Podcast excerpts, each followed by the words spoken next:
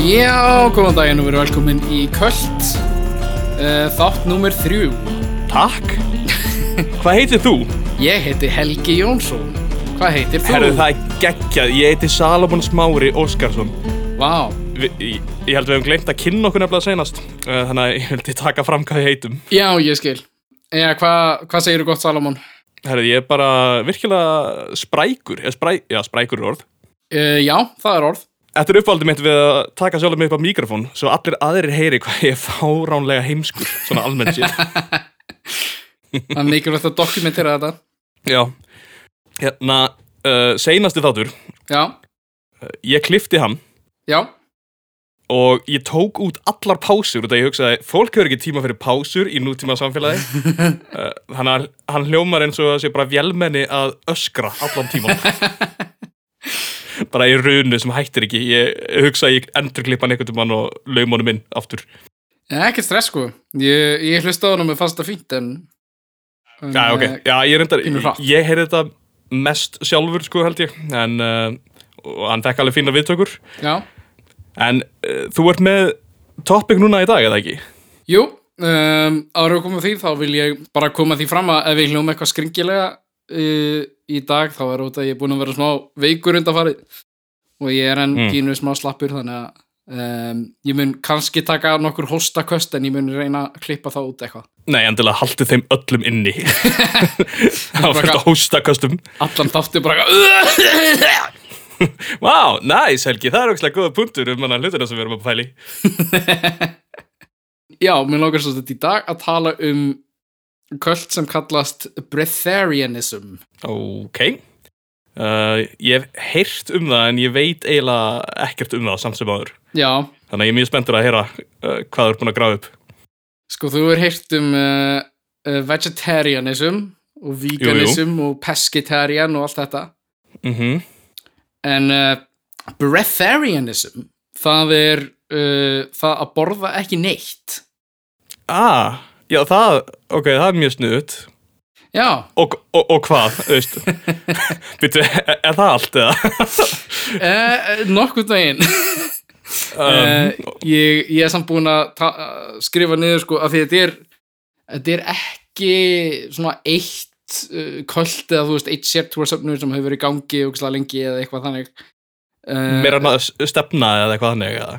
Já, þetta er einhvers konar mm, furðuleg svona kvakkari hugmyndafræði sem að hefur haft mismunandi svona bóðbera um, O- Ok, og þeir hafa lifað það flestir það. uh, Já, leðtóðin hafa lifað af en ekki allir Ó. fylgjendurnir Æ, æ, æ, Já. ok. Við komum í það setna en um, ég ætla aðalega að tala um hérna Wiley Brooks Mm. og Jasmu Heen sem eru svona t- tvö helstu uh, tveir helstu svona andlegu liðtókar uh, breatharian hreyfingarinnar Ok, Jazz Muhim, Já, heitir hann Jazz? nei, þetta er, þetta er eitt orð, þetta er kona Ó, ok, þetta er ekki einhverjum ótrúlega svalur náingi sem gengur um með sólgleru og fedora hatt og My name's Jazz. Jasmu Heen Nei, ekki svo gott Ok, Það væri, það væri nett væri það væri mjög cool. Ég þarf ekki að borða. Það verður miklu meira cool heldur en hvít áströls kona sem hefur dreigið fimm manns til döða. Ó, nei. Um, allavega, uh, ég bara byrja hérna að fara yfir punktana og þú bara stoppa mig ef, að, ef að það er Mhm. eitthvað sem að þér finnst uh, áhugavert. ok, Um, að fasta er mörg hundru ára gömul hugmynd. Mm. Fasta hefur lengi verið liður á lífstil margra trúabræða, til dæmis kristni, íslam og gyðingsdóms. Og það er til dæmis í, í kristinni trú þá er hann alltaf langa fasta sem er Já. haldið frá öskudegi fram á páskum. við tökum öll þátt í henni. Já, við... við- erum, við, erum, við, við erum kristin þjóð. Við erum kristin þjóð og það fasta allir að melli öskudags og, og páska. en þetta er sem sagt út af því að Jésu var vist í eyðimörkin í 40 daga og uh, borðaði ekkert nema... Það er rosalega skrýtnar hérna, skilgrinningar að því, það er eitthvað svona, eitthvað svona translation error í gangi Mm. við hvað hann actually borðaði. Það var líklega Eng- einhver planta en allir segja að hann hafi borðað engi sprettur þegar það er sama nafnið á hebreusku held ég. Ó, en mér fannst svo cool hugmynd að Jésu Kristur væri bara eitthvað að veiða engisbrettur. það væri töff sko en um, þá var sem sagt í mörgum kristnum kirkjum þá er um, bannað að borða kjöt á þessum tíma Mm. en það hefur ekki verið lengi uh, á Íslandi gert svoleiðis í kathólsku kirkjunni til að mynda það var sagt að það sé fasta á uh, öskudag og svo föstudaginn langa Ok, bara tvo daga og þá bara maður eina máltíð á dag já. þannig að það var alltaf fasta Nei, maður getur bara að borða það, þú veist, 16 tómi pítsu. já, nákvæmlega það er það er ekkert svo flókið. uh, síðan alltaf Ramadan Mm -hmm. sem er uh, nýjundi mánuðurinn í íslamska dagatalinu þannig að þetta er uh, eitt af svona uh, helstu atbyrðunum í hérna múslimska árinu Það sem við fá ekki að borða, það er einna helstu hérna, hlutum. já það er, það er hluti af sem sagt, því trúarhaldi að ekki borða frá sólarupprás til sólseturs Mm. og það er pínu óheppilegt að vera á stað eins og á Íslandi þar sem að á þessum marstíma getur sólin verið uppi uh, í 22 tíma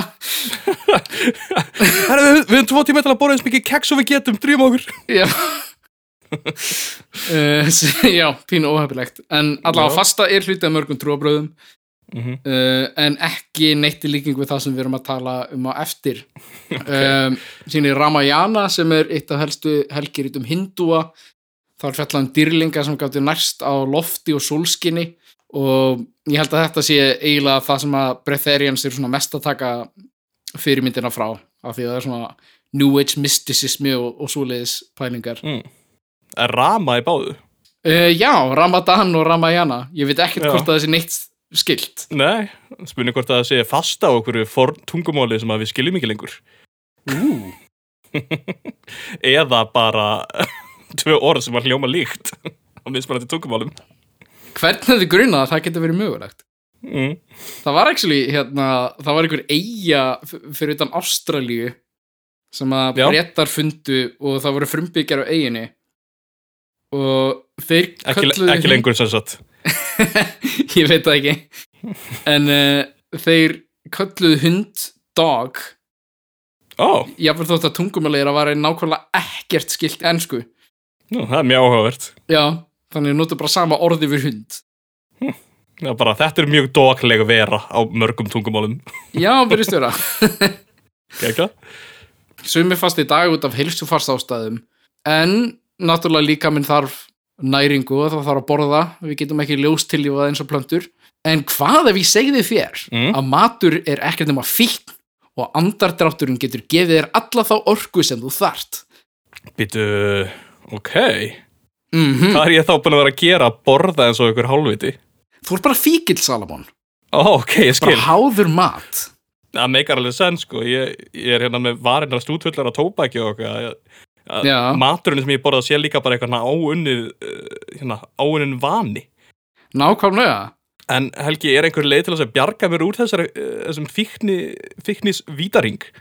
Svo sannarlega Breatharianism er svo trú að líkaminn þurfi ekki mat til þess að lifa af Þessi hugmynd var sérstaklega vinsal seint á 20. öld og má líta sem eitthvað svona afspringi af New Age hreyfingunni uh, Ok. Veistu hvað New Age er? Er það ekki bara hérna kökl? Svona norna shit og eitthvað þannig, eða veist, þú vart að hlu- hlusta á steina og, og spila Já. ennja og eitthvað, eða hvað? Já, nákvæmd neginn, þetta er, þetta er bara svona einhvers konar hreyfing sem verið í gangi á þú veist um, 70s og 80s uh, tímanum Þetta er hérna reyfing sem ég býst við að hafi skilið aðlega eftir sig það að maður kveiki á kertið þegar maður fyrir baði eða eitthvað þannig. Já, og svona kristallar og, og svona mystísk orka og svoleiðis hlutir. Ok, Þetta er, þetta er basically bara hippa sitt nema ekki á hippa tímanum. ok. Ég er alveg inn, svo far, sko. En sem sagt, það voru alveg nokkrir svona gúrúar sem stofnuðu sértrúasöfni í kringum sig. Flestir með það að markmiði að samfara fólk að með nóg af sólarljósi og réttri undunatækni geti líka minn fengið þó öll næringarefni sem hann þarnast án þess að borða. Ok. Já, hvað finnst þér um þetta? Eða, þú veist, ég, alveg áhuga að vera kenning en ég átt aldrei erið með að sjá fyrir mér hvernig þú um, sannfæri fólk um það. Já, tölum aðeins um Wiley Brooks ok, sem er svona eiginlega fafir uh, breatharianism á 20. stöld og alltaf treysta manni sem heitir Wiley þeir eru einhvern veginn geta aldrei farið rámt Wiley Coyote, Wiley Brooks þetta er mjög trustworthy na- nafn eitthvað nákvæmlega lítið sem ekkert er vitað um fortíð Wiley Brooks eða hvernig hann varð loftæta Já, ég ætla að kalla breatharians loftætur núna ja, mjög gott, mér líka vel við það Uh, árið 1980 reis fræðarsól Brooks við framkomu hans í þættinum That's Incredible þar sem hann lifti 1100 punta lóð sem er um það byrjum 500 kíló og fullirti Vá. að hann hefði ekki borðað í næstum 20 ár lift 500 kíló, Já, hvað er það stór gaur? hann er ekki stór hann er pínum svona scrawny og, og ok, svona slánalegur einhvern veginn já, já Í Daily Mail, einu helsta sorpriti Bretlandsega, sagðist hann hafa verið hljóðmaður fyrir Jimi Hendrix og Led Zeppelin en engar sannanir líka fyrir því. ok, þannig verðum að halda í þema sín eftir þáttar E, maður mætti halda költu leiðtóar sér lígarar. Það er næstu eins og haldið spínina hönd í hönd Já. um, allavega hann byrjaði að koma fram í mörgum sjónvarstáttum og komu margar fulleringar eins og til dæmis að matur sé bara ávani og líktið við síkarettur og áfengi. Andardrátturinn er það eina sem heldur mann á lífi. ok, Setna mér sagði hann að ef breatharians eignast börn þurfa mæðurnar ekki að gefa börnunum á brjóst uh, af því Ó, að nei. börnin hafa meðfættan hæfileika til að lifa á lofti og sólarljósi engöngu. ó nei En bara Ok. ef mæðurnar eru breatharians. já, ok, Já. flott Þetta er pínu problematist. já, strax uh, orðið dálítið hættulegt Já, allavega Wally Brooks hafði áhrif á New Age stefnuna sem verið gangi í þessum tíma og hann mótaði hluta til það sem að kallast wellness í dag. ok, þannig að hann í rauninni hefur uh, eitthvað að segja með þú veist, fyrirtæki eins og Goop í dag mhm og, s- og svoleiðis rögl Já, wellness, þetta er rosalega svona uh, opið hugtak, já, þú veist, það getur bara þýtt velíðan þetta getur bara þýtt, þú veist, næringafræði eða eitthvað svoleiðis en það getur líka Já. þýtt, þú veist, heilandi kristallar og mm og, og já, einmitt, heilandi kristallar og, og eitthvað hérna, alkalín vatn og eitthvað já, sull úr dós, eitthvað slím sem þú uh, baðar þau upp úr eða eitthvað líka nákvæmlega um, þannig að hann er í rauninni einn af þeim sem bara svona mótar það eins og það byrtist í, í menningu í dag Ok, síðan skrifa hann bók með öðrum svona New Age næringagúru sem he- heitir Nancy Foss og bókin heitir Breatharianism, Breathe and Live Forever býttu, live forever Já, Já, ok það er sem sagt með Wiley Brooks uh, það sem hann gerði sem að eiginlega engin annar hefur gert síðan var að hann sagði að það að borða ekki myndi bara gera þig að einhver svona ódöðlegri veru Guð, það fokkin rockar Já, hann var bara, hann var nuts sko Nice Loxis eru komnir inn á mann sem er að se- bara lofa mér því að ég lifi að eilífu Nákvæmlega Þú mynd lifa eilifu og, og, hérna, og hafa eh, svona krafta og skinnfarið þín vera betri og eitthvað Nice Já, og, Þannig að ef ég hætti að borða það eignast ég ofurkrafta nákvæmlega Þannig að eh, munið það krakkar hættið að borða og þið verði ofurhetjur um, Ekki taka þessum sem sannleika Þetta var grín, bara svona upp að lögfræði kostnað og, og svo leiðis Já, við erum náttúrulega með teimi á lögfræðingum sem vinna fyrir þáttinn, bara svona til öryggis Já, lögfræðingur minn uh, var einmitt að Já, Pikkaði öxlina á þér Já, Já, og sína með nokkra pappýra minn er hérna hliðan á mér og hann er bara hana tilbúin að kæra sko þig ef þú segir eitthvað ljótt um mig Já, minn líka, um þig Já, ok, já, flott, þess vegna erum við alltaf svona civil Við erum almennt sér ekki vinir, sko, við erum alveg erkibendur Já, við erum í, í harðri lagadeilu akkur núna Allavega, hann skrifa þessa bók Breathe and Live Forever og þetta var svolítið einhvers konar tilraun til að samina bæði megrunarkursæðið og spiritismann sem voru bæði í fullu fjöru á þessum tíma Ok, Já, þess að snemma 1980 eitthvað þá er um, þá er rosa mikið eitthvað svona, svona fat diets í gangi, þú veist þú þú eru bara að drekka jurtati í 40 daga og þá voru þú grönn eða eitthvað Já, allt svona Ok. okay. skóliðistæmi var í gangi líka þá mm. það er náttúrulega áður en að fólk fann upp hérna reyfingu. já, fólk verður ekki búið að fatta að ef maður reyfir sig og borðar holt þá verður það líklegast uh, í góðu formi Samt svona grínlaust, það að skokka eða eitthvað þannig, það er bara fundið upp 1940 eða eitthvað, finnst þú það? er það? Já, þetta er bara eitthvað nýtt dæmi Við vorum ekkert að pæli þessu Við vorum bara að leita okkur matar og eitthvað og Svo bara, eitthvað, herðu, ef, við erum komið ómikið mat Núna þurfum við að fara að reyfa okkur það var kannski engin praktísk notkun í gamla daga fyrir það að hvorki hlaupa né lappa N Nei, þú veist, ef þú þurftir að hlaupa þá fucking hljófstu og ef þú þurftir ekki að fucking hlaupa þá bara lappaðir já, sem var oftast Já, allavega báðar þessar hreyfingar sem sagt, um, þessi fat diet hreyfing og spiritismin uh, voru bæði þekktar fyrir að misnota sér tröst frá tú- trúgjörnu fólki Ég trúi því ekki En þetta hljómaði eins og svo gott díl Já, samina tvo uh, hluti sem að hafa breytt mannslifum mm Brooks hjælt áfram að, að tala um hvað þetta getur verið gott fyrir mann og hann saðist ekki þurfa neitt nema uh, eins klukkutíma svefn á nóttu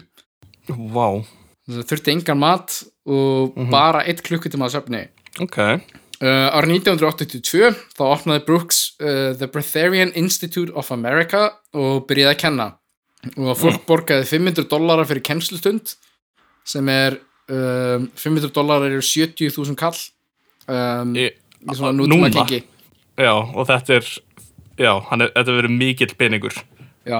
Ok, Uh, Brooks hann kendi fólki að byrja ekki strax með að fasta heldur ætti fólk að byrja á að reynsa blóðið sitt með því að borða mat með uh, gula áru gula áru Já, Þannig að væntal mægis og banana eða eitthvað álíka eða hann gerði svona lista yfir mat svona gulan mat sem átti að borða og það var til dæmis greipaldin, papaya, kjúklingur og Hagendas romrúsinu ís What? Já, kjúklingur var nógu mikið með áttir ég bjóst við að þeir eru bara kannan að, þú veist baunaspýrur eða eitthvað einmitt en Hagendas ís er ekki það sem ég bjóst við Nei, hann sagði að gulur matur hefði rétta titringstíðni til þess að reynsa blóðið mm. hvað sem það þýðir það make a sense Hann sagði líka að maður ætti aldrei að drekka vatn meðan maður er einn uh, og maður ætti aldrei að sofa snúandi í aðra átt en norður og þetta útskýrið hann ekkert frekar nei, uh, ég meina hann er að lofa mér þessum kröftum þannig að ég fylgi bara og vona að gangi Nákvæmlega. Uh, Breatharian Institute uh, fluttist mikið millir staða næstu árin, uh, byrjaði í Larkspur, Kalifornía og flutti setna til Arlington í Texas og Bellevue í Washington. minnst þess að mikið af þessum költum tengist eitthvað inn í Kaliforníu Já, það var nefnilega rosa mikið af ykkur svona, ykkur svona galdra köld dóti á, á þessum tíma. já, Í Kaliforníu specifíkli. áhugavert Uh, til dæmis var Michelle Pfeiffer, hún var ein af þeim sem að uh, varð fyrir þessu köldi hans Brooks. ok, Uh, hún segir að hún hafi ekkert verið eitthvað rosalega involver í þessu uh, en hún hafi hætt af því hún hafi bara fattað að þetta var eitthvað svona kvöld mm. og sagði að þetta hefði verið pínu svona óþægilegt fólk sem var alltaf að þrýsta hana fáðu meira Hagendas, come on það- það- það- bara eina en dollu, þetta er ekkert mál já, taka meiri, meira og meiri tíma og borga meiri pening og, og allt svo leiðis ok, Þetta kvöldi hann og brúks þá varði alls ekki lengi af því að 83, aðeins einu ári eftir stopnun Breatharian Institute þá komst upp um Brooks. Það var satt Lavelle Leffler sem að var meðstopnandi Breatharian Institute. já Hún opinbaraði þess að sagt að Brooks væri alltaf að laumast út á nóttinni til að fá sér að borða ok, og hann þurfti að kaupa mat sem að, þar sem var opið allar sólarhingin já sem voru bara skyndibitastæðir þannig að hann var í rauninni að borða mikið verð heldur en flest Ó. fólk Þa, þannig að hann, er, hann var basically að lifa mínum lífstíl Já, fara út á nóttinu og fá sér hambúrgara. Einmitt, fatta að sér ekki búin að borða neitt allan daginn og svo bara eitthvað, æ, shit, að ólís er allan að nálagt, ég get allan að fara þanga Já, nákvæmlega. það er klikkað, Allavega Brooks neitaði þessu og sagði að, að Leffler væri bara bitur fyrir hann þetta kærasta og uh, hún væri reið út af því að henni hefði verið hent út úr kvöldin út af því að hún hefði verið að stela hlutum Þessa stelpur maður já, þessar stelpur maður Þessa stelpur Ok, uh, en þannig að hann var samt aktíft að- að reyna að fela að hann væri að borða hann, hann áti ekki að daginn já, einmitt, ef hann borðaði þá var það annarkvort þegar var þú veist í, í sínu prívat herbergi eða, eða hann fór bara út á nóttunni til að reyna að fela það frá fólki Ok uh, það var eitthvað skonar uh, hvað hittir það, svona kommuna mm. uh, sem að kvöldi bjó í og hann þurfti að passa upp á það að allir væri sopnaðir áður en að fara út Það er Eh, náttúrulega skref nummer eitt, þú ætlar að lofa því að þú borðir ekki, en samt að borða, ekki búa með fólkinu sem þú ert að reyna að plata. Já, nákvæmlega. Það var, það var pínu skrítið múf, sko. Í kjölfarið þessu þá var flóðgátin opnuð, sem sagt að, að hún hefði sagt frá að henn hefði verið að borða mat og þá fóru fleiri meðlumir á opinbera brúks. Til dæmis aðeins einn hafa síðan koma út úr 7-Eleven með innkaupaboka og fleiri sá hann háma í sig ostborgurum á McDonald's. Rokkar. En uh, málsvörn Brooks er frábær Mm. af því að bara síðan einhver sá hann á McDonalds þá hefur hann bara inkorporita McDonalds inn í hugmyndafræðina sína Eh, ok. hann sagði að McDonalds staðir væru aðeins byggðir af stöðum sem eru verndaðir af herri máttarvöldum þar sem að hliðgáttir inn í andaheimin eru Ó, ok, ég skil. þannig að samkvæmt honum var lægi að borða McDonalds Ég skil, ok, þannig að dótið hérna á McDonalds-stöðunum er eitthvað skona svona verndartótem. já, nákvæmlega Ég skil. Ég, ok, hann, hann- hann línaði bara inn í þetta McDonalds-stömi, bara eitthvað, herðu, sorry, en hérna, maður þarf kannski ekki að borða, en maður þarf að njóta. Það er bara eitthvað, ég var ekki búin að minnast á þetta fyrr en þetta er eitthvað sem ég hef alltaf trúað að McDonalds er hotlasti matur í heiminum uh, Alltaf í viðtal við Vice árið 2014 þá sagði hann að quarter pounder með osti ég veit ekki hvað quarter pounder er á, uh, hvað það var kallað á Íslandi Nei, Það var langt síðan McDonalds var í gangi þar það er mitt.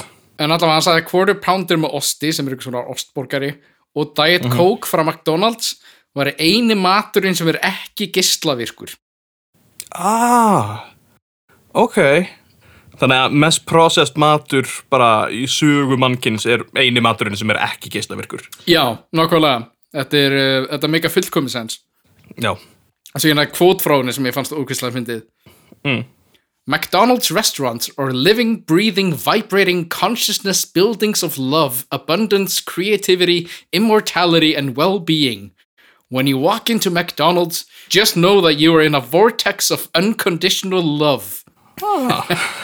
Ok, þannig að, Þegar þú gengur inn á McDonald's þá veistu að þú ert í ringiðu af skilirðislausri ást.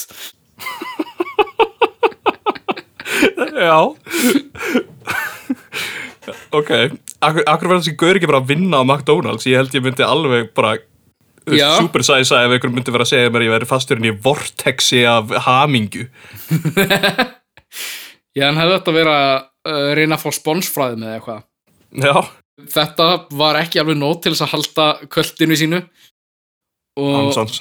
hreyfingarnas Brooks líðaðist ni- í sundur í kjölfarið og Breathariani sem var útdött í áratug. Já. Í áratöð, þannig að þátturinn er ekki búinn bara. Nei, það, Nei, ok. eru, það er nefnilega fle- fleiri sem koma á eftir Æ, ég skil. en uh, allavega þetta var svona lokin á hans uh, einhvern veginn uh, ferli í þessu, hann hjælt áfram að reyna að fléfletta fólk og, og svo leiðis, hann var mikið að lofa fólki eilíft líf og eitthvað svo leiðis En ennþá með þetta McDonalds vibe í gangi. Já, hann hefur bara alla tíð síðan talað um að McDonalds sé eini matur sem að borða Ég elska þegar að lígar að gera þetta. Þú veist, þegar þeir eru teknir í liðinni og í staðum fyrir að vera eitthvað, ok, herri, ég er nú kannski að fara aðeins fram um mér að vera bara eitthvað, nei, bara ég er all in núna. Það er Bara, ég, Ég er bara svona double down ég sá mig drekka baðvætni hennar Bell Delfín, en uh, það er líka bara veitir eiliftu líf og það er bara allt í lægi og við eigum bara alltaf að vera að því. Nákvæmlega Allavega, ég, ég fann vefsíðun hans Wiley Brooks Jú, sem er uh, reyndar ekki aktív lengur þannig ég var að fara á Wayback Machine ok. uh, þess að breatharian.com og þar er uh, auðlýsing á, á námskeiði um, ég verði eiginlega að lesta ennsku fyrst og síðan á íslensku Já. af því bara tungumálið þarna er ótrúlegt Ok. Ok. Empowered Ascension or Immortality Initiation Workshops by Wiley Brooks, Breatharian and founder of the Breatharian Institute of America. To do this workshop, you must be able to spend the at least spend the at least Já, The þetta- at least. Það stendur þannig bara. Það stendur þannig. Ok. Uh, the first week traveling to special places throughout the United States of America. The students who complete this workshop will be the spiritual leaders and teachers of the new worlds. The workshop includes a visit to Earth Prime in the fifth dimension in your physical body if you are ready. Já, Bi- bíðu bara aðeins. The cost of the workshop is 50 billion US dollars. What? The process starts with a 100,000 US dollar deposit, which must be received 30 days before the beginning date of workshop. Hmm. Uh, já, þetta var sérst auðlýsingin. Ok. Uh, ok, eigum við að unpacka þetta eins. Já, sem sagt, ef, ef ég tala ekki ennsku, segjum það. Hvað er hann að segja þarna? Þetta er sem sagt námskeið þar sem að uh, fólk verður að vera tilbúið til þess að uh, geta ferðast til uh, mismunandi staða víddarinnar. í bandaríkinum Ó, já, já, fyrir ekki. og námskeiðið inniheldur heimsókn til Earth Prime í fymtu vittinni Já. ef þú ert tilbúin. Earth Prime verandi þá býst ég við jörðin sem okkar jörð byggir á, eitthvað svona platónst uh, ideal af jörðinni kannski? Um, ég hef reynd að skilja þetta, ég held að þetta sé eitthvað svoleiðis en ég bara, uh, þetta er allt bara urugl þannig ég hef ekki, ég hef ekki reynd rosalega mikið að unpacka allt sem að hann hefur verið að segja Nei, en þú reyndar líka hefur aldrei komið til 50 vítarinnar, þannig að það er kannski ekki, ekki mikið að marka þig. neðan sagt, ég er náttúrulega fáfróður ég, ég veit ekki hvað ég er að tala um sko Já, en uh, þetta námskeið kostar 50 miljardar bandaríkjadólara Mm. hver á þannig pening? Eða, veist, er það ekki bara nokkrar manneskjur? Eða? uh, ég held að þú veist Elon Musk, Já, Jeff Bezos mm um, Bill Gates Bill kannski. Gates Já.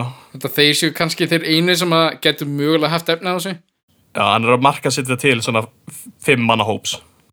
já, örgulega, hann er örgulega bara að reyna að þjálfa topp 1% Mm því þar eru peningarnir segðu til Já, ég er mjög áhuga samur svona ef að, þú veist, og það ég- það er mjög auglust að enginn hefur nokkuð mann keift aðgang. nei, það er En- ekki séns En segjum sem svo að, að Elon Musk, þú veist, hann er nýkomin úr Joe Rogan þættinum og er bara pampaður upp og eitthvað, damn, ég er svo flottur, hvað ef ég gæti farið til fymtu vítarinnar? þú veist, hefði hann þá ekki bara, hann hefði tekið hann heim til sín, gefið hann um fullt af hamburgurum, McDonald's shiti, satt hann með þessi einhver gulur matur og svo bara pumpað hann fullaðan á síru og bara, herðu, við erum að fara til fymtu vítarinnar vinnu.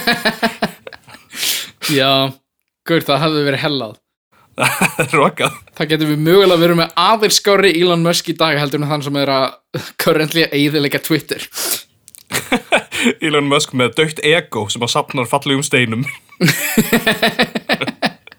S- sem nota beni er það eina sem gerist við fólk þegar tekur síru það segir, Já. herðu, ego mitt dó og það fer að hafa áhuga á steinum Já, nákvæmlega um, Allavega, það er lítið vitað um hvað var í gangi með Brooks uh, alveg síðan bara kvöldið hans liðast í sundur hann 83 mm hann alltaf held áfram að reyna að selja eitthvað hann var með, hann var með þú veist flösku á vatni sem kostaði 10.000 dollara eða eitthvað svoleiðis damn, eitthvað svona heilagt vatn shit þú verður að virða að hann hætti ekki að reyna hann hætti sannarlega ekki að reyna en ég er ekki viss um að hann hafi tekist neitt síðan þá ne nei, ég ger ekki ráð fyrir því sko allavega hann dó síðan árið 2016 þannig að ok, hvíl í friði hvíli friði, King það er í rauninni endurinn á hans uh, sögu já, æ, dammit, ég hafði gaman að þessum manni á meðan hann var hann var, já, áhugaveru gaur sko Mm. hann er alltaf algjörlega fullur á skít Já, ég meina algjörlega, eins og allir sem að við fjöllum a- um því sem þetta eða svona Já. flestir en það þýðir ekki að mann get ekki virt gustóið að vera Nákvæmlega. kólaður út hætta ekki og segja í staðin, herðu Uh, nú vil ég bara tala við ríkustu menn í heimi. já það er, I respect the hustle sko hann var alveg að, að hérna, reyna allavega þangað til hann dó Já, eða síðasta viðtali sem ég las við hann var uh, frá 2014 það er Vice viðtal sem að ég mæli með að tjekka á, það er mjög fyndið ok. Fóruð þér á heimsóttan eða? Uh, þau töluðu við hann í gegnum uh, gerfinött af því hann treyst ekki Skype Já. Var ekki, ok, hann treysti ekki Skype en hann treysti því að gerfi hnötturinn sem hann talaði í gegnum myndi ekki vita hvar hann væri. Já, Gerfi þetta hafa aldrei verið notaði til þess að trakka fólk niður eða staði eða þú veist, tækið sem að specifíkli gerir akkurat það já, hannað til þess. Æ, mér líkar ekkert vilja að fólk viti hvar ég er, þannig að ég er að varpa sjálfum mér upp á skjá um allan bæ. Þar sem að heimilisfangi mitt er skrifað í stórum stöðum í bakgrunni fyrir aftan mig Já, að kista af allum leindarmálunum mínum og ég er að draga það upp eitt í einu. Allavega, nú vindum við sögunni að uh, hinum svona uh, helsta gúrúinum sem að hefur verið uh, bendluð við breatharianism Mm. og það er ástralska konan Ellen Grieve sem að Ok. uh, kallar sig Jasmuheen Já, þetta er, þetta er jazz man. Jazzman Hún, hvað segir hún sé áströlsk? Já, Ok. uh, ég held að hann hafi kallað sig Jasmuheen bara því að hljómar svona indverskara og mystískara eða eitthvað svoleiðis Já, Þetta En- er en- allt rosa mikið svona orientalism tengt eitthvað já, þetta er hérna pínu held ég bara að sjá eitthvað hérna, þú veist, í, í vestrænum heimið að sjáum við að, að asíst fólk er oft með aðra lausnir á hlutum, Já, þannig að við hlustum bara á allar lausninar. Og bara eitthvað, herðu, ég, þú veist, þau eru með sitt einn pensilín, en líka, það var hann einn gaur ykkur staðar í Indlandi sem sagði að ég þurfti ekki að borða. já og þá er það heilagt af því að það kemur úr ykkur, ykkur gamalli bók Já Ok, ef, ef veitu, sagður þú hvað hún hétt upprunlega?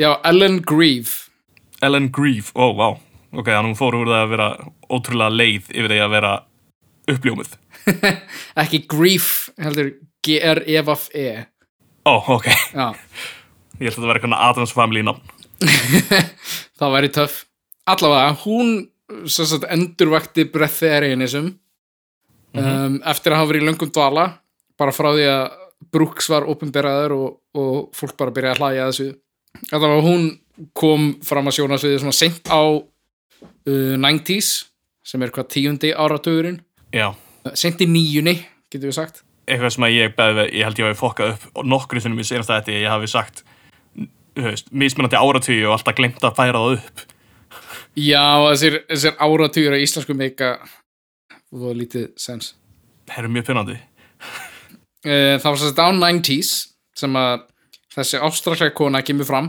hún segist lifa einungis á ávakstar tegi og sólarljósi og borðar ekki nema þegar hún vill upplifa eitthvað ákveðið bragð þannig að þú veist þegar henni langar í smá súkkulaði eða eitthvað þá fær hún sér smá bita en annars segist þér ekki borða neitt Borða sér til ánægju en þarf ekki á því að halda til þess að lifa já, það er það sem hún segir Ok, sko hennar hugmyndafræði er svolítið byggð af því sem að Brooks var að gera en þetta er meira svona þetta er aðeins meira svona plausible það sem að hún segir sko þetta er Ok, samt, er- þetta er náttúrulega algjört bull en bara r- raunhæfari búningur Já. á sö, sömu heimskulegu hugmynd þú veist, hún er ekki að lofa fólki eilífu lífi eða verða, þú veist, andlegur leðutói í nýja heimsins eða eitthvað Nei, ok, hún er ekkert að segja okkur að við fáum að fara í fymtuvítina eða hvað líka nei, Dammit allavega hún segist nærast á pranic energy í andrumsloftinu Ok, Sem sagt, orðið pranic P-R-A-N-I-C þetta er þetta formt indverst orð sem að þýðir lífsorka hmm. eða vital life force er enska þýðingin sem ég fann já, þannig að þetta er basically bara the force nema fyrir hippa ok, net þetta er bara einhvers konar orka sem er allstaðir í kringum okkur sem að við getum notfært Bara- okkur ef að, já Önnur útgáfa af kýi eða hvað líka þetta er, þetta er tengt því sko Já, ok, allavega hún hefur skrifað fjölmargar bækur og haldið fyrirlestar um allan heim og grætt töluvelan pening af því já, hann að fólk er að fylgja henni Já, og hún er hún er enn í gangi sko Já, ok. og þeir sem að heimsækja Jasmuhín í stóru villuna hennar í einu af dýrustu hverfinum í Brisbane taka eftir því að ískápurinn hennar er verið fullur af mat Já, hún útskýrir að maturinn sé ætlaður eiginmanni hennar skattsvíkarinnum Jeff Ferguson ok, sko, fyrir ekki, ef, ef eiginkona mín væri einhver galdra gúrú sem geti sannað fyrir mér að ég þyrfti ekki að borða og væri bara eitthvað, herðu, ég er bara með lausnina, þá myndi ég ekki vera eitthvað, njá, en ég ætla samt að borða ógislega mikinn mat. já, þetta er skrítin útskýringa því að þú veist ef, það, ef þú trúir að fólk getur lífað án matar, af hverju myndir þú veist, ekki reyna að sannfara makaðinn um það Já, þetta er eins og að byrja með Harry Potter og vera eitthvað, nei, við skulum ekki hérna fjarflytjast til Ítalíu, við skulum bara fara í flugvel. nákvæmlega það er bara hvað, af hverju Já, Hvað er pointið? þú veist, af því að ef maður getur lifað á bara sólarljósi og andadrætti þá væri það bara bókstallega það besta sem hefur nokkuð til að koma fyrir mannkinnið Já, það myndi hjálpa. Já, en allavega hún skrifa þessa bók og, og græðir rosa pening og er með fyrirleistur á námskeið og, og alls konar rukka mikið pening fyrir en árið 97 þá deyr einn af hennar fylgjendum sem er Timo Deigen sem að er 31 árs leikskólakennari Ó, ok. og uh, tveir aðrir dó í kjölfarið uh, til dæmis var einn kona sem að uh, ástralsk kona sem að fannst dáin í skosku hálöndunum Já, og þessi hvað var, fundu út hvað var að- hann að gera þar? Ég veit ekki, eitthvað að reyna að komast í tengstu alheiminn, eitthvað, bla bla bla. Ég, Já, það er ekki vitað almennilega því hún var ein. Mm. En um, hún var satt fylgjandi Jasmuhín og það hefur verið staðfest að hún dóur vannaringu. það myndi maður. Já, uh, alls hafa Ok. fimm fylgjendur Jasmuhín dáður næringaskorti. Já, og hún er ennþá starfandi. Hún er ennþá starfandi og hún hefur alltaf neitað því að hún byrja ykkur ábyrða á þessu. Já, geggja, ok. Allavega, hún fer í 60 Minutes Australia. Já, Já, bara 60 Minutes, eh, bara ástralska útgáðan á því. mhm. Þau byggðu henn að koma í þáttin og, og sanna kenningu sína með sjö daga föstu án vass og matar undir myndavela eftirliti. Og Já. hún samþykti það. ok, þannig hún tekur því. Já, hún ákveður að- að taka þessu og vera fastandi í sjö daga og það eru sér læknar og, og fólk að fylgja smiðin allan tíman. Læknar sem fylgdu smiðinni sáu hjartsláttin aukast sem er eitt af einhverjum vökvaskorts Já, og lækkun af blóðþristingi og þyngdartap um 6 kíló. já, Og ok. Eftir fjórða dag tilraunarinnar ákvað 60 minutes að hætta við af því að Jasmuhín var í alvarlegu ástandi og þátturinn hefði annars getað gert sigur um dauða hennar. Já, og þeir eru þurft að taka ábyrða því eins og hún tók ábyrða á allir þessu fólki sem að fylgdi henni. Nákvæmlega, En byrju, þannig að þau eru ennþá að haldi þetta líka með vatnið. Þú átti ekki að vera að drekka vatnum og sért einn eða hvað hann er. ég veit ekki hvort að sú regla sé í gangi en, en það er allavega, þú veist, hún heldur í fram að maður þurfi ekki vatn heldur. Ok. Þau enda tilraunina þarna á fjórða degi Mm og svo ákvörðin hefur svona polarizað fólk eftir í bara hverju þau trúðu af því að flestir náttúrulega sáu þetta að hún var bara að fucking deyja og þú veist, ef þú hefði haldið áfram þá hefðum dáið Emitt. en þeir sem að fylgjenni sáu þetta sem sönnun á að þetta virkaði af því að 60 Minutes vildi ekki sanna kenningun hennar Já, það eru bakka út. Já. Við getum ekki haft rangt fyrir okkur. Við verðum að bakka út svo að, hvað þetta hétt hann aftur, Jasmuhín. já, Sér ekki að fara að fokkin rúst okkur. já Gekka. en uh, já, allavega í bókin hennar hún er með eitthvað svona 21 daga ferli um það að þú veist, venja sig af mat eða eitthvað svoleiðis Já. og þar eru öll þessi einkenni listuð þar sem bara eðlilega einkenni að þú sért að transitiona yfir yfir að vera sem þarf ekki mat Já, þannig að eh, all, all, all svona hættu, hérna, það sem að bóðar hættu, það er sagt að það sé allt í lægi og maður er ekkert að vera að pæli því. já, Mm, frábært. geggja allavega, núna langar mig að tala um Navina Shine sem að er sem sagt, 65 ára bresk kona sem að bjó í Seattle hún var sem sagt trifingin af kenningum Jasmuhín og hún ákvað að prófa að fasta í 100 daga og setja upp nýtt myndband á hverjum degi meðan það Vá. eina sem hún innbyrti var vatn og te Ok. 65 ára gömur kona 65 ára, hvað er hún stór? Þú veist, eh, er hún, er hún bústinn? Eh, Er þetta, Nei, þetta er bara svona grönn gömul kona. ok, og það, ég, ég veit að það e- hafa verið sko, það hefur verið fólk sem hefur fastað mjög lengi en það hefur vanlega haft rosalega mikinn forða til að byggja úr, taka af. Já, þannig að það líka með byrjar að nærast að sjálfum sér eftir ákveðin tíma Mm Mhm.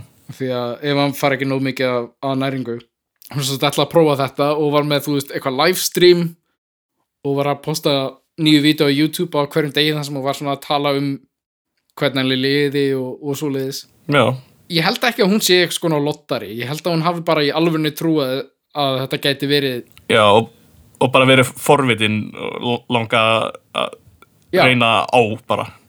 já, hún var bara forvitin, hann langaði að bara sjá hvernig þetta væri og Okay. hvort þetta virkaði og, og svo leiðis, ég held að hún hafi verið svolítið svona já, open mint með þetta nei, Skil. hvað segir maður, open minded ekki open mint eh, Opin mynd, hún var opin mynd þannig Mm, að opin munnin. cryptocurrency já, open Algjör- mint algjört bitcoin með þetta einhvern veginn um, allavega, hún var vongóð og spennt í upphafi til raunarinnar hún sagði að þetta virkaði, þá myndi það leysa hungursneið í heiminum sem er, já, góður satt, punktur. já Það- hún endur tók það sem að Brooks byrjaði á að segja uh, Jess Mohin og fleiri hafa endur tekið það er það að þeir sem að deyja úr hungri sem sagt fólk sem er í hungurverkfalli eða, eða þú veist fólk sem að deyja úr hungursneiði eða eitthvað svo leiðis Mhm. það deyji ekki úr hungri það deyji vegna þess að búist við því að deyja úr hungri já ok, þannig að öll hérna litlu börnin í Afríku já, sem eru hann á fátæku sveðanum þar þau sem sagt, þau eru bara heimskar einhvern veginn en þessi gúruar þau eru bara svo fokkin heimsk að þau deyja ég Já. fatta já þetta er fucking ræðilegt sko Það- það- Þetta lít- þetta er líka örgulega ástæðan fyrir að þú veist, e- um þetta kvítt fólk einhvern veginn, mér veist deyja miklu minna úr hungusnið við erum svo við erum svo fokkin klári einhvern veginn það er vingillin sem ég er að taka út frá þessu Ó, þetta er ræðilegt já, þetta Ah. er fíkalegt Ó nei um, Navína sagði þess að ef hún myndi deyja í þessari tilraun þá var það líklega stökna þess að hún var að búast við því að deyja en ekki vegna vannaringar ok, Já, ekki, ekki rétt mjög rámt um, Daglegu Ef þú vídjóin segir heldur áfram Hvað sagði þau? bara ef þú segir það sko Já, ég er ekkert alveg seldur ennþá á þinni hlið ég er náttúrulega hlindur þessu, ég er að selja þetta já, ok, gott uh, Fólk getur komað á námskeiti mín fyrir 70.000 það er mitt pointið með þáttinum, við erum að reyna að finna rétta kvöldið svo við getum loksins byrjað okkar eigi branch Já, ég held að þetta geti virkað sko já, nema náttúrulega ef allir fylgjendur okkar deyja bara í fyrstu vikunni þá, loftætur við- Ísland saminist já, þá eru við vandumálum eða alltaf, Eh, við erum með lögfræðingana hérna já, það er satt, uh, lögfræðingur minn segir að, að þetta sé allt í lagi og ekki neitt vandamál við að segja þetta í uh, podcast þætti Minn er að gera jójótrykk akkur núna sick Hann er rockar sko Hann er með sólgleru og aftur að bak derúi um, Hvað, hvað varstu þið sér? já, sem sagt, hún held að frá að posta þessum vídjóum og mm. kommentakerfi var tvískipt það Já. voru uh, til dæmis aðrir breatharian sem hafa kvött hann áfram og rósuð henni og sögðu að þetta myndi breyta heiminum en mm. meirulítin var bara að segja henni að stoppa bara, Ég er bara á, á ekki fullt fólk já, bara þú verður að hætta þessu að nú deyrð Ef ég væri þarna þá held ég að ég myndi Þú veist, e, virkar hún næs Þessi kona eða, þetta er, þetta er bara, þetta vir, virðist vera rosalega næskumul kona sko. í- Já, ég með, þú veist ko- Gömul kona, ég myndi bara vera með Gífurlega miklar áhugjur Ef ég segi þetta eitthvað stjórn netinu held ég já þá bara fullt af fólki sem var með rosar, rosamiklar áhyggjur og, og ég, já, skil það að vera Já, já, allavega það byrjaði að koma bladagreinar um uh, þessa festu hjá henni og mm það er í einni greinni þá var læknirinn Ronald Hoffman að tala um hvað það væri eh, hættulegt og ekki gott hann sagði að það væri Já. galið að halda því fram að maður geti sloppið undan lögmálum líffræðinar uh, plöntur geta næst á sólaljósi af því að það er framleiða klórófyll sem að því að geti ljós tilífað en það er ómögulegt fyrir mannfólk að framleiða klórófyll og þess vegna þurfum við fytu, prótin og kolvetni til þess að lifa af Einu sinni heldum við að það væri ómögulegt fyrir okkur að fara út í game, sjáðu okkur núna. Núna erum við að senda alla auka bílana hans Elon Musk, bara beinustu leið þangað. þannig að ég geti sprungið þar með farþugum inni án þess að fólk taki eftir því Ég myndi kannski actually fíla Teslur ef að farþegarnir væri sendir með út í game. já, kannski, það var alveg næs. það er eitthvað sem að þarf að aðtúa Elon, Elon if you're listening uh, nei, hættu við þetta bit O- Ok, uh, Navina Shine sagði að læknar gæti ekki séð þetta living on light af því að þeir horfi gegnum aðrar linsur þess að horfi gegnum linsur vísindana en uh, þetta sé eitthvað sem er ósannanlegt í rauninni já. Nema ef að hún sannar þetta núna já, með, með þessum myndböndum sínum. já það er nefnilega svolítið skrítið sko hún segir þetta sé ósannanlegt en hún er samt að reyna að sanna það Já, allavega vikurnar liðu áfram Navinu virtist líða verð og verð og missa trúna með hverjum einasta degi æ, og í gegnum ferli mistu meira en 15 kíló fokk. sem er rosa mikið þingdatap sérstaklega úr 65 ára gufur kona Já, uh, hún sagðist þurfa meiri kvíld en vanalega og var að fá kramp í fæturnar og henni var óglatt og kalt og síðan að lokum eftir 47 daga föstu þá ákvað hann að hætta við tilraunina ok. hún var samt ekki viss á endanum hvort þetta væri mögulegt eða ekki en hún sagðist að það var hættið út af fjárhanslegum ástæðum af því að allan tíman meðan hún var í þessu þá var hún heima hjá sér Mhm. uh, og reytti sig á fráls framlög sem hún var með á F-síðunni sinni en hún þurfti að byrja að mæta aftur í vinnuna út af því að fólk var ekki að gefa nú mikið pening Já, mitt. Já, hún er vantilega bandarísk, hann er, hún er vinnandi hann á já, þessum aldri. En það, já, skil. eða hún er, hún er bresk en hún býr í Seattle Já, já, eða það. hún uh, sagði að mannkinni væri ekki tilbúið fyrir þessa þekkingu og var ekki tilbúin til að hætta lífi sínu eða lífi annara. Ok, þannig að hún er fyrsta manneskjan í, þú veist, af þessum þreymur sem við erum bara í fjallum sem að samt hefur vít fyrir öðru fólki, þú veist, segir Já. hann skoðast eitthvað, þið ættu ekki að reyna þetta, þannig séð. Já, Já, hún var ekki að hvetja fólk til þess. Ég held að hún hafi Ok. bara, hún var bara forvitin, bara genuinely forvitin og vildi bara prófa þetta og sjá hvort þetta virkaði eða ekki. og var allt í lægi með hann, hún náttúrulega fastaði rosalega lengi. Já, hún, hún setti nokkur update eftir á, Ok, svo að henni liði bara vel og, og það var alltaf læg með hana. Þannig að ah, það er gott. það hefði getað endað mikið verð. Já, hef, hefði getað farið illa, sko. En uh, breatharianism, það lifir góðu lífi í dag. Já, kannski vinsalla núna heldur en það hefur nokkuð tíma verið ég held samt ekki að það geti mögulega á einhvern tímann orðið mainstream bara af því að, þú veist, fólk mun annarkvort deyja eða verða fyrir einhverjum bíliðum skafa eða actually prófa þetta já. Þú veist, þeir sem að fylgisu, flestir hljóta einmitt að vera ekki að pröfa þetta. einmitt, af því að, þú veist mjög það væri, mi áhugavert. það væri mikið fleira fólki búið að deyja ef það væri allir að actually fasta í bara mörg ár þú veist, Já, einmitt. það eru nokkri svona óþólandi influencers og, og svoleiðis pakk sem að er enn að promóta þetta kjartaði uh, til Ok. dæmis loftætu parið Akahi Ricardo og Camilla Castello What the fuck? ok, þau fengu árið 2017 drottningaviðtal í The Sun sem er hitt helsta sorprið Breitland segja já, ég hef séð The Sun poppa mjög oft upp ef ég er að leita að einhverju heimskulu á internetinu þá er ég alltaf frétt frá þeim.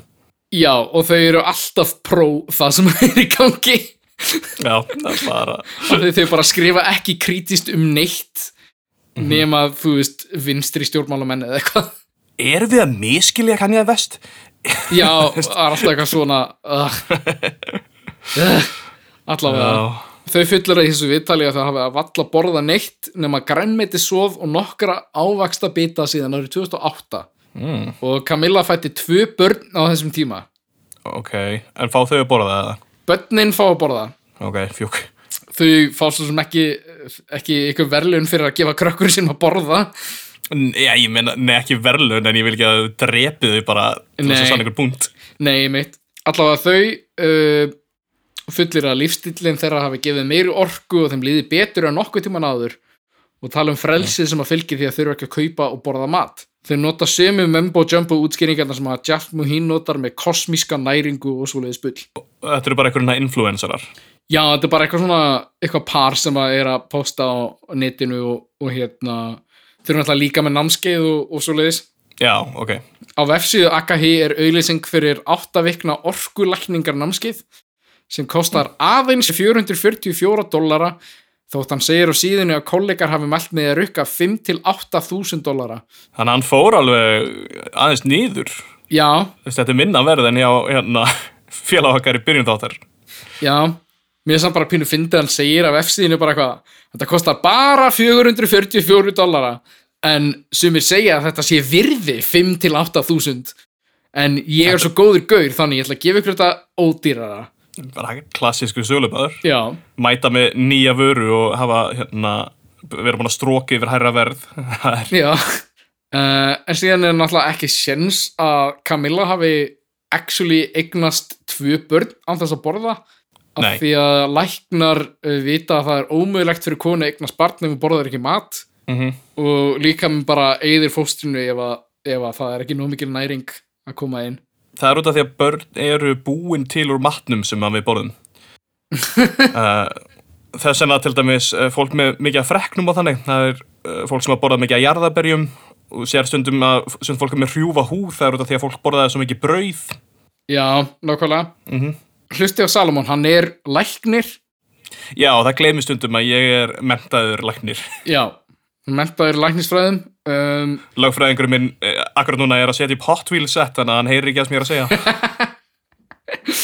Er lögfræðingurinn fjögurara barn? Nei, hann er frá ógeðslega fokkin töf. Ok um, Já, breytherianism uh, það hefur verið tengt við ádröskun Já, sem er náttúrulega alvarlegt vandamál ef þú ert með ádröskun og sér fólk sem að segir að þú þarft ekki að borða og það er allt í lagi þá er það náttúrulega bara réttla, réttlating fyrir sjúkdónu þínum já, sem er fucked up Eh, já. Það er hot take, Helgi, en ég held ég þessu sammála. Það er ekki lagi. Nei, það er ekki í lagi Mér langar bara að enda þetta á kvót sem að kemur frá vice.com Ok.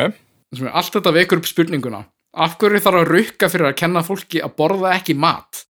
Ef pranisk næring væri raunverulega til þá var það stærsta afreik í sögumannlegrar þróunar Af hverju er Jess Muhin ekki að vinna fyrir saminuði þjóðunar og dreifa aðferðum sinu til sveltandi fólki í Súdan, Komoros eða Jemen? Já, en eru þau búin að pæla í viljastyrk, þú veist að við séum kannski bara ekki alveg tilbúin í þetta sem tegund Já, bara kannski vilja krakkarnir í Jemen, kannski vilja það bara deyja, þú veist. Það er alveg, já, Það er alveg möguleiki.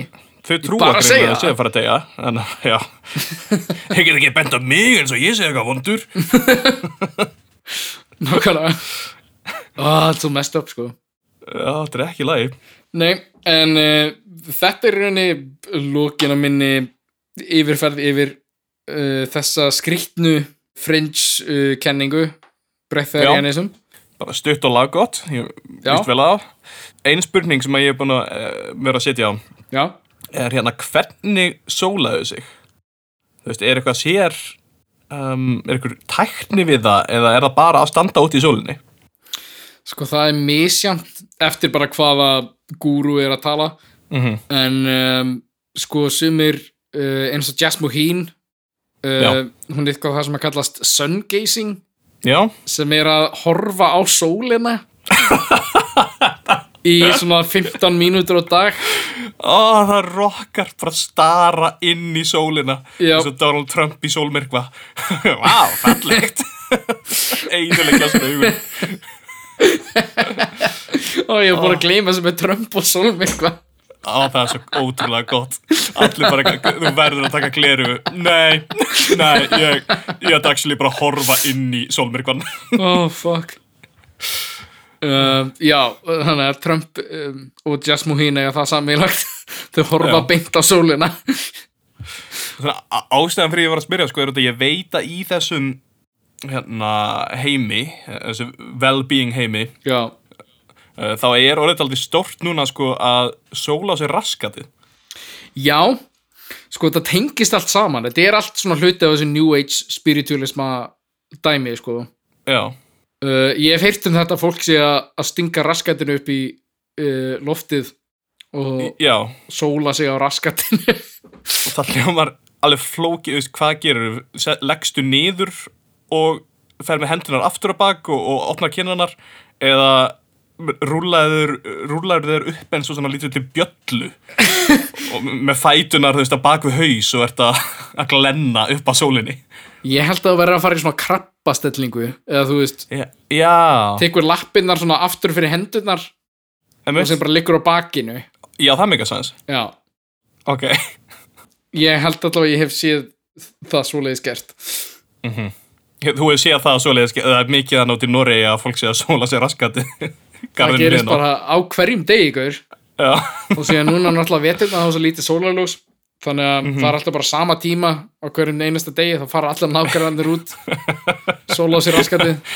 bara ótrúlega mikið að rössum á, alltaf bara á þessum þrejum klukkutímum sem eru opnir já þannig er þetta hér, ég veit ekki hvernig þetta er á Íslandi en uh, gera ánæg Já Nei, þetta er, þetta er áhugaverð sko ég, hérna, myndur þú kalla þetta þú veist, þetta er kvöld hugsunarháttur Já. og eru klárlega að að, að hérna, marka sér þetta til fólks til, eh, sem að er leitandi og á pening og svona bara eins og kvöld skýra vanla já, og ég myndi segja að eiginlega allt við þetta uh, er kvöldlegt en ég get ekki séð fram á að þetta myndi nokkuð til að ná nógu miklu vinsældum til þess að verði eitthvað svona alvöru batteri nei, þetta mun alltaf aldrei ná sömu hæðum að þú veist vísindakirkjan eða, eða eitthvað svoleiðis Nei, Eh, ég, ég myndi bara kalla þetta bara pretti Mm. bara, já, bara svík Já, þetta er bara, þetta er bara svindlarar, svona grifters. Já, Já, ég veit ekki, þetta, þetta er náttúrulega einhvers konar afsprengi af spiritualisma og, og, og svoleiðis dóti. Mhm. um, þannig að þetta fellur í sama flokku það, hvað sem það er. þetta er svona uh, þú veit, ég held að vandaválið þeirra sé að þau, þau heldur fram hlutum sem eru hægt að afsanna bara persónubundi Já, þú veist, það vita allir um að maður verður orkulegs og hræðilegur að maður fær ekki mat. Já, en ég til dæmis hef aldrei hitt Zinu og hann gæti alveg verið í einhverju eldfjalli þú Já. veist, ég, ég get ekki alveg afsanað Nei, ég meitt. Það er náttúrulega, það sem ég finnst svo ótrúlega merkilegt við þetta er að það er svo auðvelt að afsanna þetta. Þú veist, þú getur bara hort á fólk sem er að deyja eitthvað staðar úr hungursneið. Já, Þú veist, það er engin önnur ástæð fyrir að þetta fólk er að deyja heldur en að það er svamp. Já og náttúrulega líka að trúir að það sé að fara að deyja Já, nákvæmlega það. Já, Ég, það er náttúrulega útskýringi sem við nota. einmitt Já, ég veit ekki hvernig maður á að flokka þetta almennilega. Ég myndi náttúrulega, ég myndi klárlega að setja þetta meira í költ eða, þú veist, sértrúasöfnuð heldur en eitthvað annað. mm um, en þetta er náttúrulega ekki eitt söfnuður þannig að svolítið erfitt að tala um þetta sem sértrúasöfnuð þú veist, meira Já. svona einhvers konar galin hugmyndafræði Einmitt, og kannski sem að í rauninni uh, sprettur kannski frekar upp úr meirinn að sértrú á söfnuðar menningu út af því að já, þú ert væntanlega ekkert að fara að pæla í þessum hugmyndum nema þú sért nú þegar í einhverju svona uh, austurlenskri dullspeki uh, þeim fílingir unni. já, Vist, ég held að séu fáir sem katholskir hérna, kallmenn sem eru eitthvað "Ö, já, ég var á netinu og ég hérna, fann brettarianism og ég ætla að pröfa hann þú veist.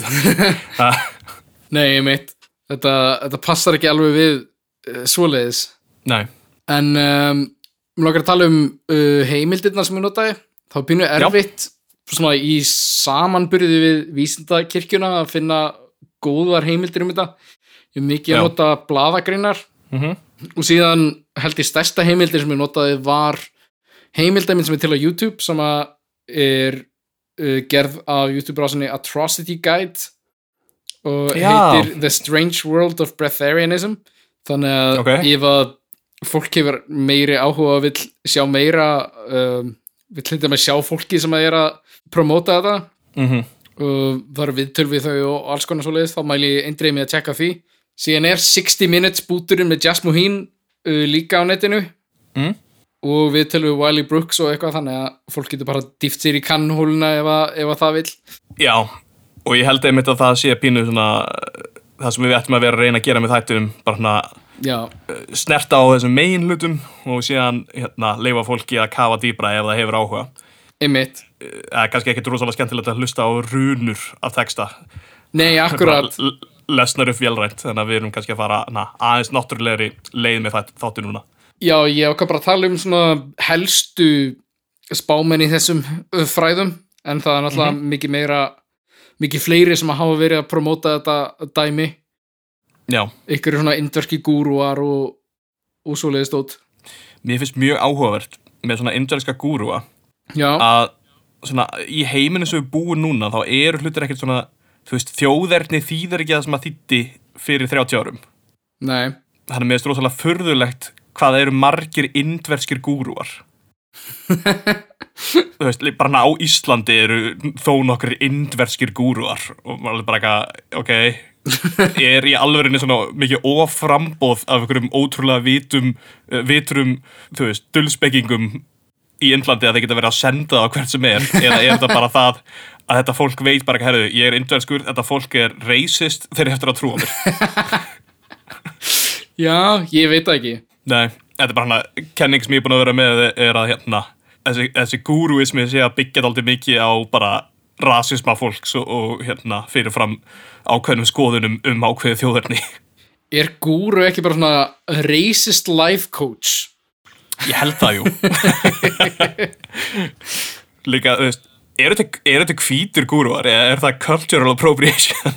Um, hann Wiley Brooks er uh, bara blökkumadur Já, um, Jess Mohin er hvít uh, Já. síðan eru nokkri sem eru actually indverjar sem hafa verið í þessu já, um, í gernum tíðina áhugavert Já, en ég er svona að tala um það sem hafði mest áhrif á svona vestræna uh, New Age pælingar og, og svoleiðis Kallar maður svart fólk blökkum enn í dag? Ég veit það ekki, er það, er það rasist eða? Ég veit það ekki Þetta hljómaði bara eitthvað svo ótrúlega 60s Já, hann er blökkumadur Ég, ég var bara að hugsa sem ég myndi aldrei kalla vinn minn ef ég var eitthvað, já ok, byrju Ég er þetta svo sem ætti ekki að vera að segja fólki að vini minni séu að ykkur þjóðarni Herðu, þetta er hvað út í rángarstæði Ok, við segjum þetta gott í dag Já, förum út að cancelable note Hérna, uh, að, að venju ef við ekki segja þið frá e-mailin okkar að þau eru komin með e-mail Jú, endilega Það er, hvað, er ekki köllpodcast at Jú, það gmail er K-O-L-T podcast at gmail.com Já, þannig að ef þið eru með einhverjar spurningar þá getið þið sendt tölvupóst ángað eins og árið sín 1997 og Jasmu Hins er búin að drepa þrjár manneskjur en ekki fimm Já, og ég er farin að fylgjast aðeins meira með Twitterinu mínu uh, Helgi er hættur þar held ég Ég er ekki Menn hættur hétu en svo- ég er búin að byrja að nota að minna Já, þú, þú, þú sagðir, ha, ég þóla ekki miljaramæringa, ég þóla það svo lítið að ég ætla að fara yfir á forritið sem var hanna fyrir nasista í staðin. Það er ekki hanna fyrir nasista Nei, en það var það fyrsta veifið af fólki sem hoppaði yfir á Mastodon, var allt fólki sem var bara búið að henda út að Twitter á sínum tíma. Já, en það eru mismunandi serverar og ég er ekkert inn á nasista servernum ekki svo ég viti Ok. allavega allavega Heil Hitler við Já, segja Nei, þú fólk, lokkar inn, hælvinir, komið þið hæl herri, ég, ég, ég kem um hæl, nýst um hæl. Fuck. Herri, takk ég alveg fyrir að hlusta. Uh, Já, takk fyrir að hlusta Þannig að við uh, notið þess að fá aðeins styttri þátt og aðeins svona léttara væp. Já, Bye! bye